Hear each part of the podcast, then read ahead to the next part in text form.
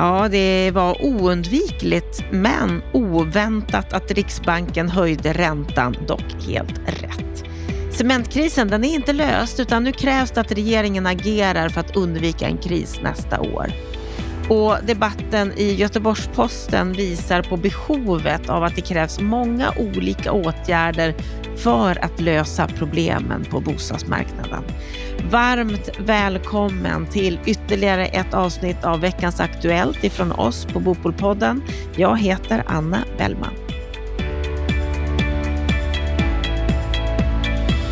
Och vi börjar veckans Aktuellt med att Riksbanken höjde räntan igår, torsdag. Stefan Attefall, vad säger du om det här?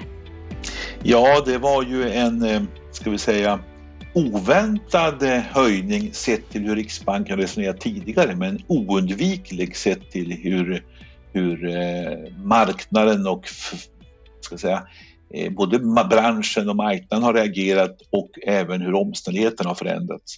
Men jag tycker att det som är de höjde nu med en kvarts procent. De säger att de kan komma med ytterligare två till tre höjningar i år.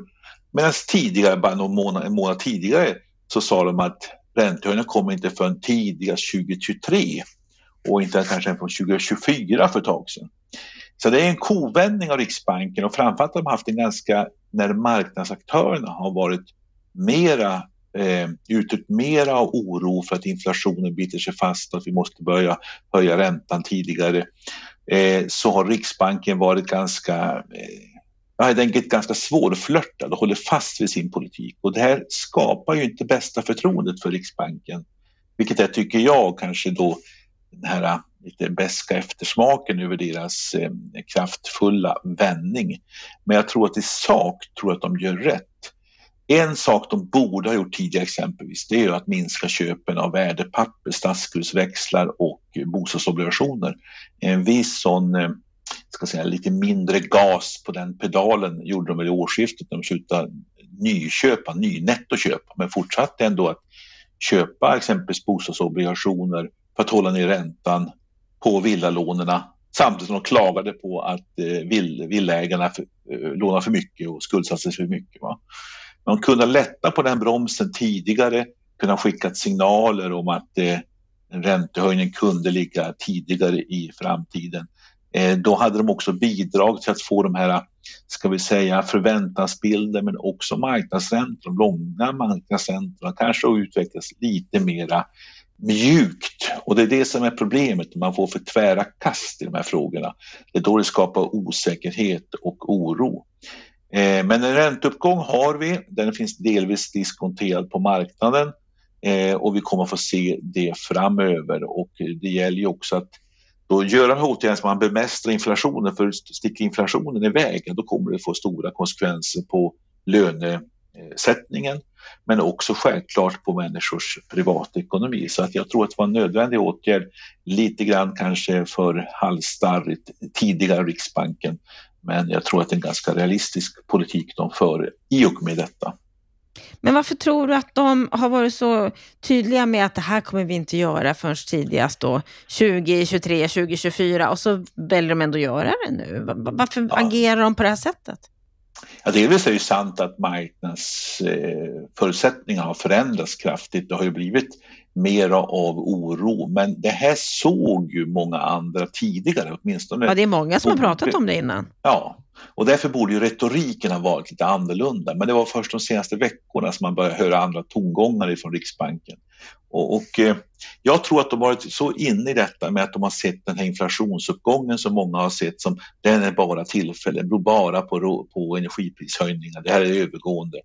Och de har varit så livrädda att göra om samma misstag som de gjorde kan man säga inför finanskrisen 2008-2009 när man höjde räntan precis när krisen kom. Och jag tror att det finns en, någon slags sån rädsla i det hela. Men jag är lite förvånad över att man har haft en sån här, ska vi kalla det, expansiv eh, räntepolitik under så lång tid och varit så fyrkantig i sin argumentation. Eh, och det är inte bara riksbankschefen som ska ta på sig det här, det finns en direktion på sex personer där en majoritet har argumenterat för detta. Eh, och det här skapar lite, lite sämre trovärdighet för Riksbanken, vilket är problemet. För att En riksbanks uppgift är att skapa lugn och ro, förutsägbarhet, stabilitet för att bidra till att marknaden ska utvecklas jämnt och i lugn takt och att man ska få trovärdighet kring 2% inflationsmålet, vilket är då risken man nu utsätts för att man tappar en del av den trovärdigheten.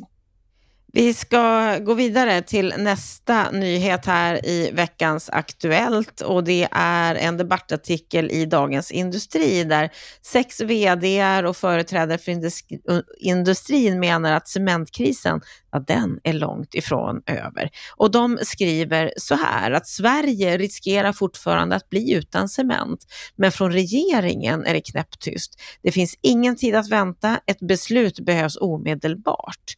Sveriges välstånd byggs av ett konkurrenskraftigt näringsliv och dess förmåga ständigt utvecklas. Och en viktig förutsättning har varit politisk insikt om att detta är viktigt. Ja, vad säger du om den här debattartikeln, Stefan?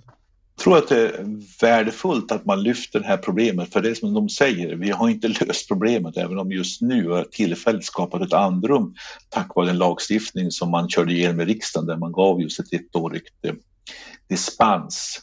Eh, de pekar egentligen på egentligen tre viktiga saker. Det kanske vanligaste har ju varit att vi har pratat om vikten att få fram cement till vettiga priser för bostäder och infrastruktur. Där har vi stora behov och vi har mycket ska säga, på gång där.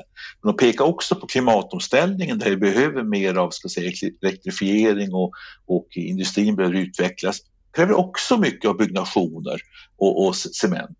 Och sen pekar de också på en faktor till som vi kanske nu måste ta ännu större beaktande. Det är ju ska säga, självförsörjningsgrad, risk för sårbarhet i form av, av beroende av utland och försvars och säkerhetspolitiska aspekter. Och det i sin tur gör också att vi kommer att investera mycket i byggnationer och fortifikationer som heter militärspråk, vilket också kräver cement. Så att vi har enormt stort, eh, stor anledning att vara oroliga om det blir störningar på kalk och cementfronten och att vi behöver en självförsörjningsgrad även här. Det är inte bara livsmedel vi behöver ha en vettig självförsörjningsgrad. Och eh, de, de pekar också då på att nu går ju Cementa in med en, med en ansökan om, man har gått in med en ansökan om att under fyra år få, få då producera cement på viss volym för att under tiden jobba med det här långsiktiga 20-åriga miljötillståndet som kräver mycket mer. Och så pekar då de här artikelförfattarna att nu måste regeringen både uttala tydligt vad viljeriktningen är, man måste också de föreslå att man ska peka ut eh, Cementas områden på Gotland som riksintressen avseende exempelvis totalförsvar och industriproduktion och titta på olika åtgärder för att liksom hjälpa till den här processen. Och en sak kan ju bara vara den att ge ordentliga resurser till myndigheten, att de kan snabbt jobba med ansökan, den tillfälliga ansökan exempelvis. Det kan ju regeringen ge alltså resurser till miljödomstolarna eh, här för handläggning så att det inte finns där några brister i alla fall. Så att jag tror att det krävs att utan att vi ska säga dra undan mattan för våra rättsordningar så kan regeringen agera och regeringen kan göra mer. Men vi har inte sett riktigt den typen av action ännu och tiden går närmar vi oss 2022 eller att den här domstolsprövningen nu av de som har överklagat eh, riksdagsbeslutet till Högsta förvaltningsdomstolen skulle falla ut så att det blir stopp, ja, då har vi eh, riktiga problem. Och vi talade om inflationen just alldeles nyss. Men snacka om vad som effekten blir. Om man ska importera mer av det här från andra länder, eh, det blir en knapp resurs, så kommer priserna stiga. Och då blir ska säga, byggandet ännu dyrare och då blir vi också, ska säga, få ökad inflation på grund av ett politiskt ska säga, skapat problem. Ja, de säger bland annat så här att utan egen cement efter 2022 tvärnitar Sveriges utveckling.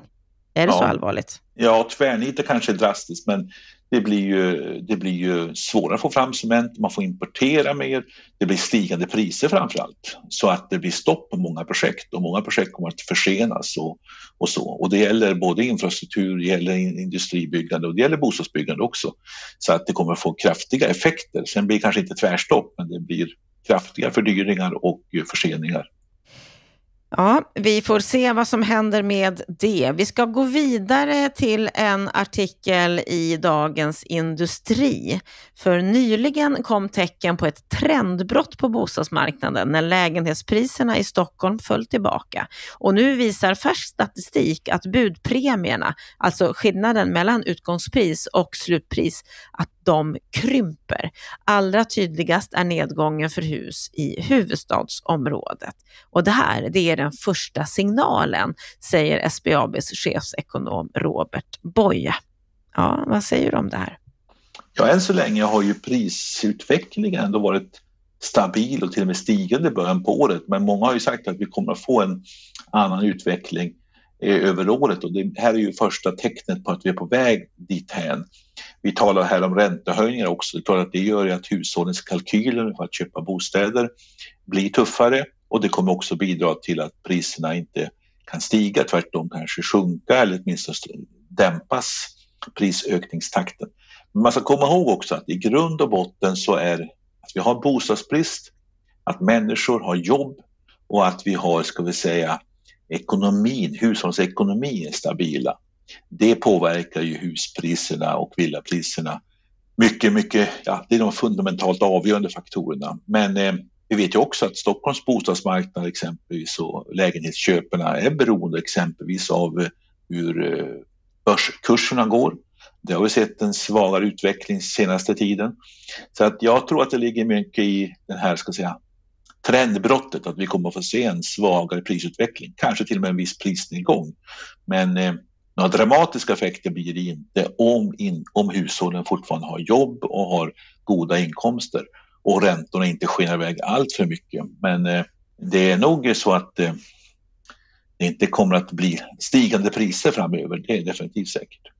Men med tanke på inflationen som vi pratade här om inledningsvis och som du säger, att räntorna kan gå upp och att det byggs mycket mindre med tanke på att allt byggmaterial blir mycket dyrare här nu som effekter av kriget. Mm. Kan vi inte se en nedgång på priserna? Ja, men det blir snarare kanske kan driva priserna uppåt om du får mindre nyproduktion. Eh, då tillförs ju ska säga, marknaden färre bostäder och vi har fortfarande en stigande befolkningsutveckling och sådana saker. Men å andra sidan ska man komma ihåg att den nyproduktion som kanske bromsas in i år, den får effekter först på några års sikt. Kortsiktigt så tror jag inte det kommer påverka så mycket. Men eh, jag tror att eh, räntornas utveckling och eh, hushållens totala ekonomi och om, om vi hamnar i ett läge där arbetslösheten börjar stiga, då kommer det få större effekter. För att eh, människor funderar ju ändå på hur kommer min egen ekonomi att se ut? Har jag råd med att köpa det här och låna de här pengarna? Eh, har jag råd med de här hyrorna etc. etc. Och det är kanske den viktigaste faktorn. Mm. Vi ska avsluta veckans Aktuellt härifrån Bopolpodden med en replik av Kristina Heikel på Fastighetsägarna. En replik på den debattartikel från som vi, vi citerade här ifrån Bopolpodden för ett par veckor sedan, om att många unga som vill flytta till en ny stad för ett jobb eller flytta hemifrån, att de har få möjligheter att hitta ett boende med rimlig hyra eftersom köerna är långa och att få har råd att köpa en lägenhet och att många därför hamnar på den svarta bostadsmarknaden och betalar långt mer än vad de ska för boendet. Och då menar Kristina Heikel att problemen på bostadsmarknaden är mycket större än ockerhyror. Att den ohållbara situation för unga på bostadsmarknaden den blir inte löst av att vi får stopp på olagliga ockerhyror. Om unga ska kunna flytta hemifrån och gå efter sina drömmar så måste mer än symptomlindring till. Bostadsmarknadens hela funktion måste förbättras, säger Kristina Heikel. Vad, vad, vad säger du om det här, Stefan? Ja, hon håller ju med den här Allan Dottai, eh, man kan uttala hans namn rätt, från föreningen Orimlig hyra och Henrik Malmroth som var på Jag vill ha bostad.nu. Det här med att vi måste informera bättre om de regelverk som finns för att många förstår inte och vet inte vilka rättigheter man har fullt ut och, och likaså att man kommer åt de här rena, ska säga, utnyttjanden och svart eh, uthyrning av hyreslägenhetskontrakt som är olagligt. Eh, och där är ju de överens och att vi också behöver mer offentlig hyresstatistik. Det är lättare att förstå vad, vad, vad kostar det att, att bo. Eh, och där verkar de överens, men som sagt Kristina Heikel pekar på att det är ändå symptomen på en, en hyresmarknad som inte fungerar. Hon skriver ju där i sitt svar då att problemet ligger då, och det har hon ju rätt i att det här är symptomåtgärder, och då vill de peka på att problemet ligger då på hur hyressättningssystemet fungerar och hur kreditrestriktionerna fungerar. Och så markerar hon att det finns en övertro på att bygga sig ur problemen. Eh, och man kan väl säga så här att hon har rätt i det. Eh, hon har fel i att man, alltså jag tror att man måste se så här att det finns ingen åtgärd som inte behöver vidtas, om man säger så. Det, det krävs både information, att man jobbar mot med symptomen och avarterna. Man måste också bygga mer, men ingen, var och en av de här löser inte problemet. Hennes resonemang om att man ska förändra hyressättningssystemet, ja vad innebär det då? Är det totalt ska säga, fria marknadshyror i beståndet så kommer vi att skapa nya problem i form av att det blir stigande hyror även på det ska säga, bestånd som idag inte är tillgängligt. Ja, det är klart att det kommer underlätta för de som behöver en hyresrätt snabbt eh, som har en god ekonomi. Det kanske får en positiv effekt på exempelvis arbetsmarknadens rörlighet, men det kommer ju knappast hjälpa de unga. Jag tror att man måste tänka lite grann, hur får vi hyressystemet att fungera smidigare? Eh, där lägesfaktorn faktiskt får spela lite större roll och där man får en system, hyressättningsmodell som gör att det ändå sker inom ramarna för någon slags balans på hyresmarknaden. Där kan parterna, tror jag, göra mera, både Hyresgästföreningen och fastighetsägare och eh, andra aktörer, allmännyttan. Däremot har jag, håller helt med Kristina Heikel om att man måste försvara den här den här eh, andrahandsuthyrningsregelverket som jag måste erkänna att jag var själv ansvarig för att införa men där finns det gränser på hur mycket man får ta ut i hyra, även om det är en friare hyressättning än tidigare. Men det har blivit en ventil för de som behöver komma åt en lägenhet och det alternativt ofta har varit att inte hitta någonting, hitta någonting alls. Och det har vi också sett har lett till att utbudet av lägenheter har ökat. Men genom att vi har bostadsbrist så blir det lätt så att man försöker ta ut maximalt och det blir relativt höga hyror. Eh, sen måste man bygga mer Eh, det, det är bara så. Eh, vi kan inte heller lösa problemen genom att inte bygga mer. Så det krävs egentligen en komplex, komplex mängd av olika aktiviteter och där jag tycker både Kristina Heikel och de här eh, unga debattörerna har sina poänger. Men det finns inget värre än att försöka lösa problemen genom att reglera ännu mera och, och, och så kväsa det som ändå eh, är ventiler som finns på hyresmarknaden idag. Och kreditrestriktionerna är som Kristina Heikel eh, påpekar en eh, faktor också som påverkar det här, inte minst för unga människor som vill skaffa sig en lägenhet. Och där kan startlånen som nu finns ett utredningsförslag kring vara ett medel för att hjälpa till att lösa en del av problemet. Men ingen åtgärd löser alla problem. Är det, är det det som är en del av problemet? Att vi försöker hitta en åtgärd som ska lösa allt? Ja, jag tror att det är en del av problemet. Jag tror att det finns många, många saker man behöver göra samtidigt och man måste rucka på många stenar och eh, bryta upp många låsningar som lätt finns, både mellan partier, mellan olika parter på eh, bostadsmarknaden, tänker på hyresgästföreningar och fastighetsägare, Eh, och allmännyttan. Alltså alla har en del av lösningen och alla måste bjuda till och vända och vrida på sina saker, men göra på ett balanserat sätt så att man inte kastar sig in från ena diket till andra diket. Ingen ser av chockhöjda hyror, men även den, ska säga, både den som har en bra inkomst och flyttat till ett nytt arbete ska kunna hitta en hyresrätt. Men också självklart den unge som ska in på bostadsmarknaden, både kanske köpa och hyra, ska också kunna hitta en till en vettig hyra och då tror jag inte helt fria marknadskrafter är lösningen, men inte heller regleringar, utan hitta en balans däremellan. Och jag tror att det där skulle kunna vara en framgångsrecept för att få både breda politiska överenskommelser men också få parterna att ta och bjuda till lite grann och kanske släppa vissa saker men för att uppnå en bättre helhet. Ja, det finns eh, mycket att diskutera och fundera på när det gäller det här. Det här var från oss veckans Aktuellt, det senaste som har skrivits om när det gäller bostads och fastighetspolitiken. På måndag då är vi tillbaka igen och då ska du få träffa stjärnarkitekten Rahel Bellaccio. Ytterst handlar det om att bidra till en bättre värld. Vi skapar arkitektur. Arkitektur brukar jag säga är fonden för människors liv. Det är där allting utspelas. Det är där alla minnen vi bär på som är kopplade till platser. Det finns alltid arkitektur i bakgrunden.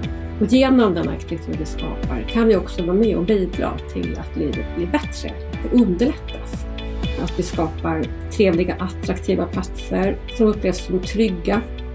Där människor trivs, vill vara, där vi främjar möten mellan människor och på olika sätt bidrar till ett bra liv.